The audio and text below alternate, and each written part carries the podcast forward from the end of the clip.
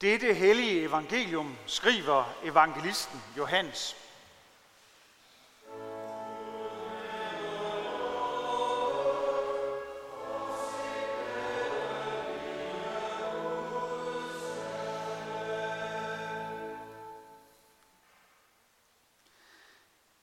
Mange jøder var kommet ud til Martha og Maria for at trøste dem i sorgen over deres bror. Det er deres bror Lazarus, som er død. Da nu Martha hørte, at Jesus var på vej, gik hun ud for at møde ham, men Maria blev siddende inde i huset. Martha sagde til Jesus, Herre, havde du været her, var min bror ikke død. Men selv nu ved jeg, at hvad du beder Gud om, vil Gud give dig. Jesus sagde til hende, din bror skal opstå. Martha sagde til ham, ja, jeg ved, at han skal opstå ved opstandelsen på den yderste dag. Jesus sagde til hende, jeg er opstandelsen og livet. Den, som tror på mig, skal aldrig i evighed dø. Tror du det? Hun svarede, ja herre, jeg tror, at du er Kristus, Guds søn, ham, som kommer til verden. Da Martha havde sagt det, gik hun tilbage og kaldte ubemærket på sin søster Maria og sagde, Mesteren er her og kalder på dig. Da Maria hørte det, rejste hun sig straks op og gik ud til ham. Jesus var endnu ikke kommet ind i landsbyen, men var stadig der, hvor Martha havde mødt ham. Jøderne, som var inde i huset hos Maria for at trøste hende, så, at hun hurtigt rejste sig og ville ud. De fulgte efter hende, da de mente, hun gik ud til graven for at græde der.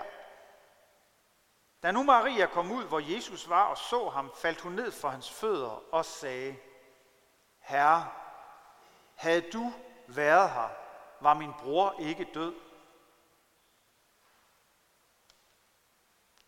Da Jesus så hende græde og så de jøder græde, som var fuldt med hende, blev han stærkt opbragt og kom i oprør og sagde, Hvor har I lagt ham? Herre, kom og se, svarede de. Jesus brast i gråd. Da sagde jøderne, se hvor han elskede ham. Men nogle af dem sagde, kunne han, der åbnede den blindes øjne, ikke også have gjort, at Lazarus ikke var død? Der blev Jesus atter stærkt opbragt og går hen til graven. Det var en klippehule, og en sten var stillet for den. Jesus sagde, tag stenen væk. Martha, den døde søster, sagde til ham, Herre, han stinker allerede. Han ligger der jo på fjerde dag. Jesus sagde til hende, har jeg ikke sagt dig, at hvis du tror, skal du se Guds herlighed. Så tog de stenen væk. Jesus så op mod himlen og sagde, Far, jeg takker dig, fordi du har hørt mig. Selv vidste jeg, at du altid hører mig, men det var for folkeskarnes skyld, som står her, at jeg sagde det, for at de skal tro, at du har udsendt mig. Da han havde sagt det, råbte han med høj røst, Lazarus, kom herud. Og den døde kom ud med strimler af linned, viklet om fødder og hænder og med et klæde viklet rundt om ansigtet. Jesus sagde til dem, løs ham og lad ham gå. Mange af de jøder, som havde været med hos Maria og set, hvad Jesus havde gjort, kom nu til tro på ham. Amen.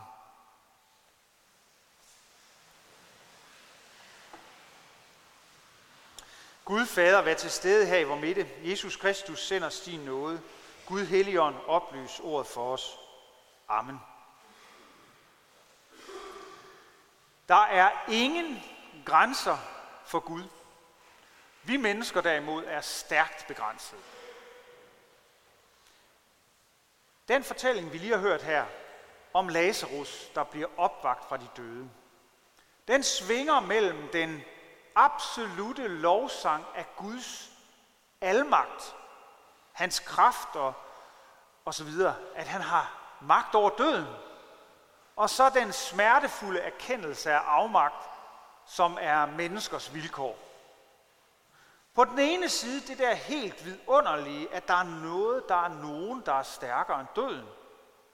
Her vist i al sin voldsomme kraft og vælde. Jesus har ganske enkelt Guds skaberkræfter. De to, de to søstre, Martha og Maria, de havde tillid til Jesus. De siger jo begge to til ham, enslydende, da de taler med ham. Havde du været her, var min bror ikke død. De er altså overbevist om, at Jesus har magt, og at han evner at helbrede dødelig sygdom, gøre lamme rask og få blinde til at se og sådan noget. Deres forestillingsevne rakte dog ikke til at tro, at han havde magt til at besejre døden. For det Jesus gør her, og som vi lytter til her i dag, det er jo umuligt. Døden, det er den store fjende. Og det er samtidig noget, alle mennesker står overfor. Det er et u omgængeligt faktum ved livet. Og som man siger det, husk at du skal dø med mento mori. Det er det, det er at være menneske. En gang skal vi dø. Det er en, en ting ved vores liv, vi ikke kan lave om på. Vi kan i perioder af vores liv øh, fortrænge det, lade være med at tænke på det, men det angår os alle, og det rammer også alle. De fleste af os har haft døden tæt inde på livet, og mistet mennesker, vi holdt uendelig meget af, og har stået der foran dette store, tomme, ukendte.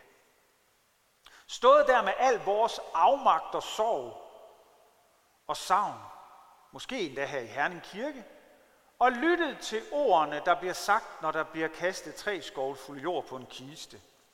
Af jord er du kommet, til jord skal du blive, og af jorden skal du igen opstå. Lytte til det, men hvad betyder det?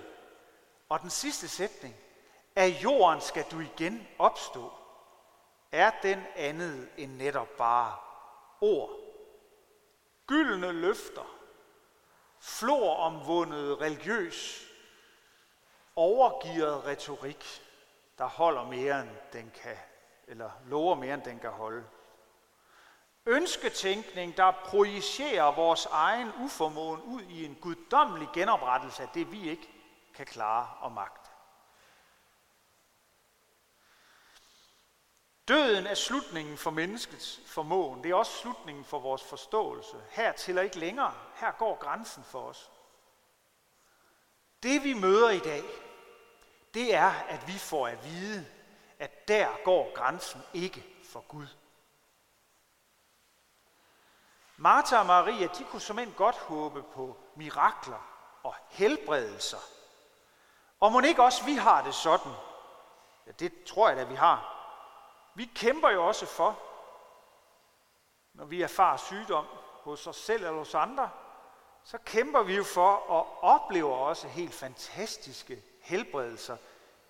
Ja, ikke mindst på vores sygehuse, men ikke kun der.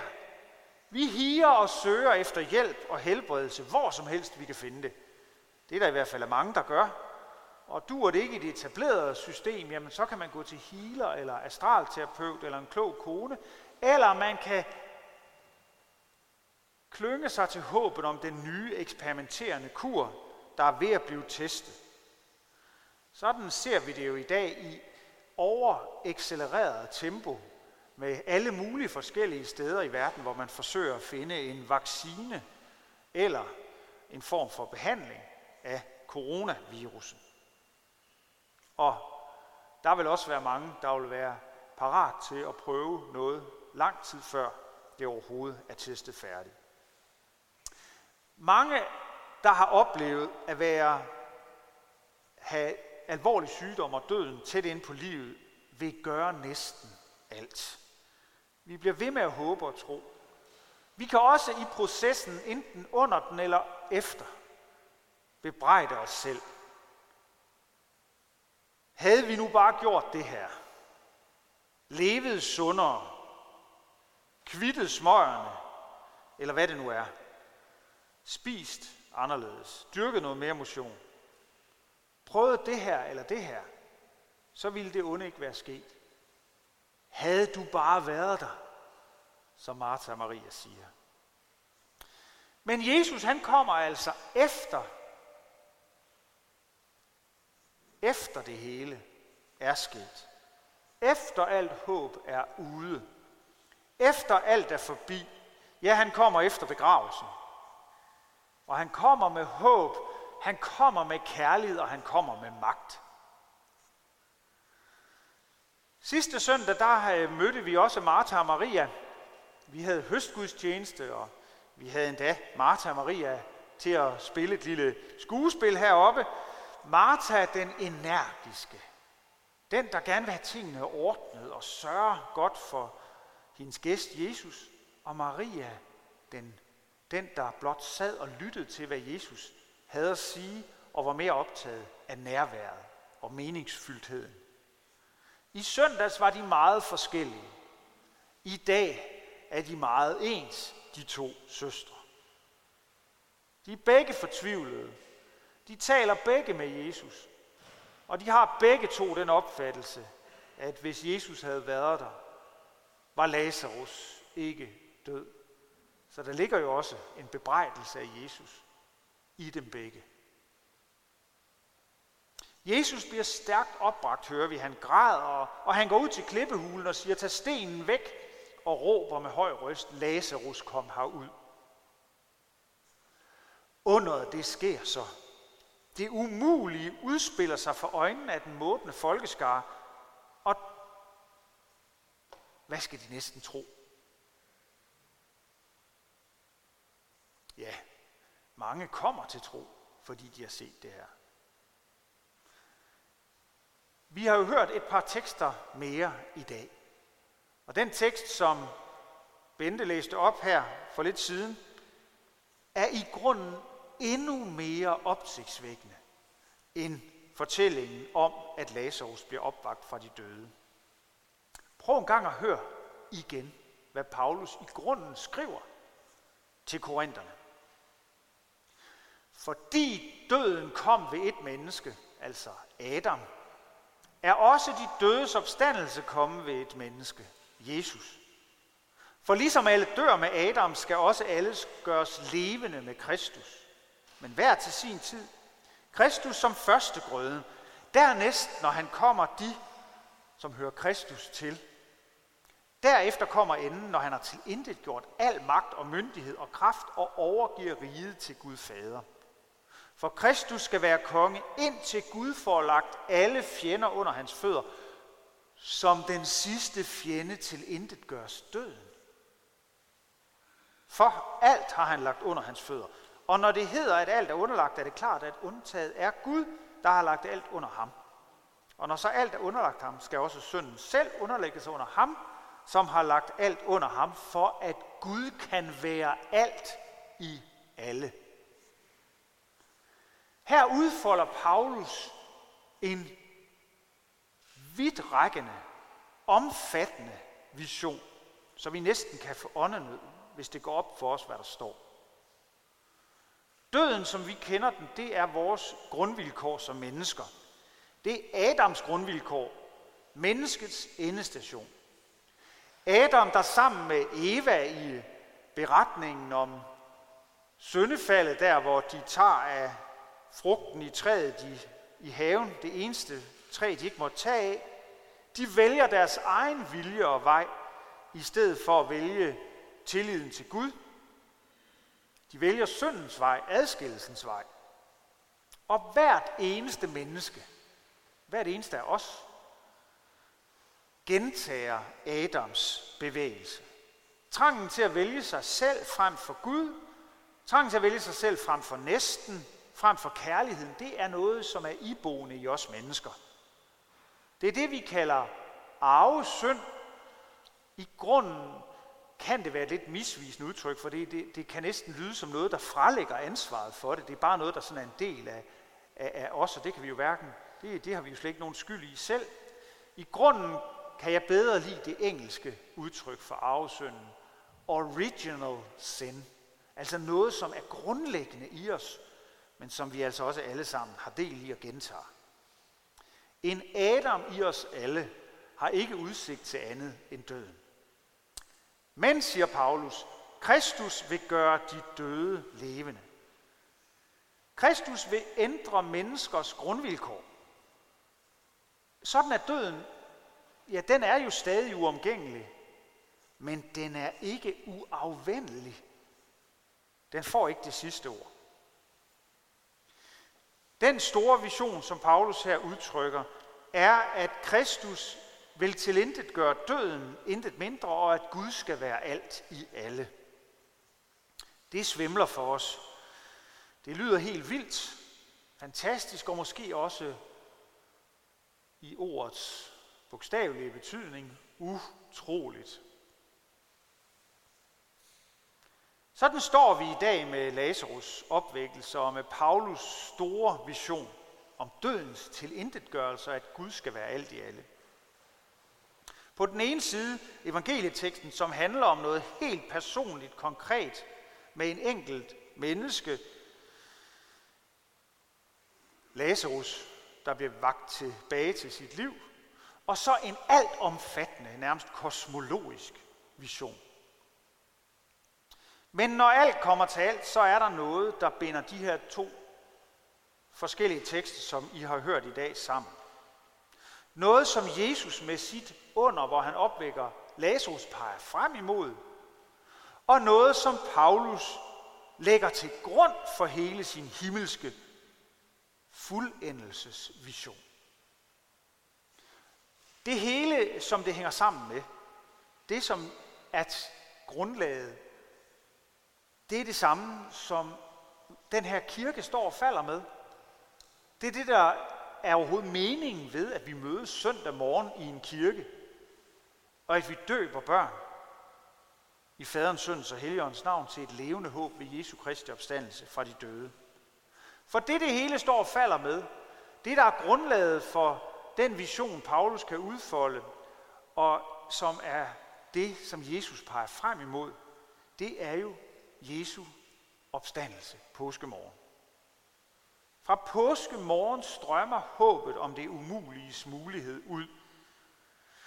Du tilhører den Herre, som er stærkere end synd og alt det onde, ja, stærkere end døden selv. Ofte der står vi ligesom Martha og Maria med fortvivlelse og bebrejdelse og sorg og afmagt. Havde vi dog bare, havde du dog bare. Og Jesus kommer til os med håb.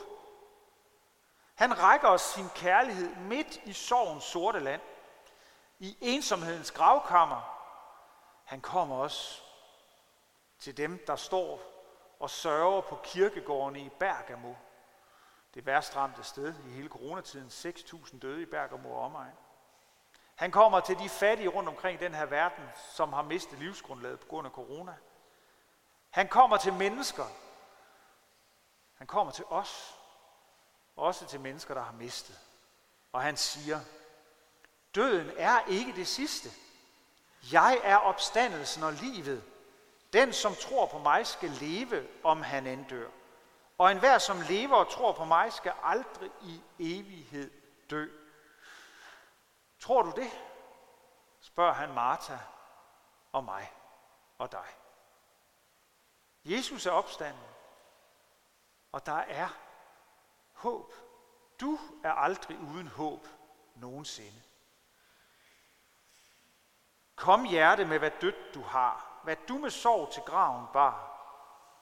Gå med det alt til ham, som døde, men levende dig nu vil møde. O salig påske morgenstund med guld i mund. Amen.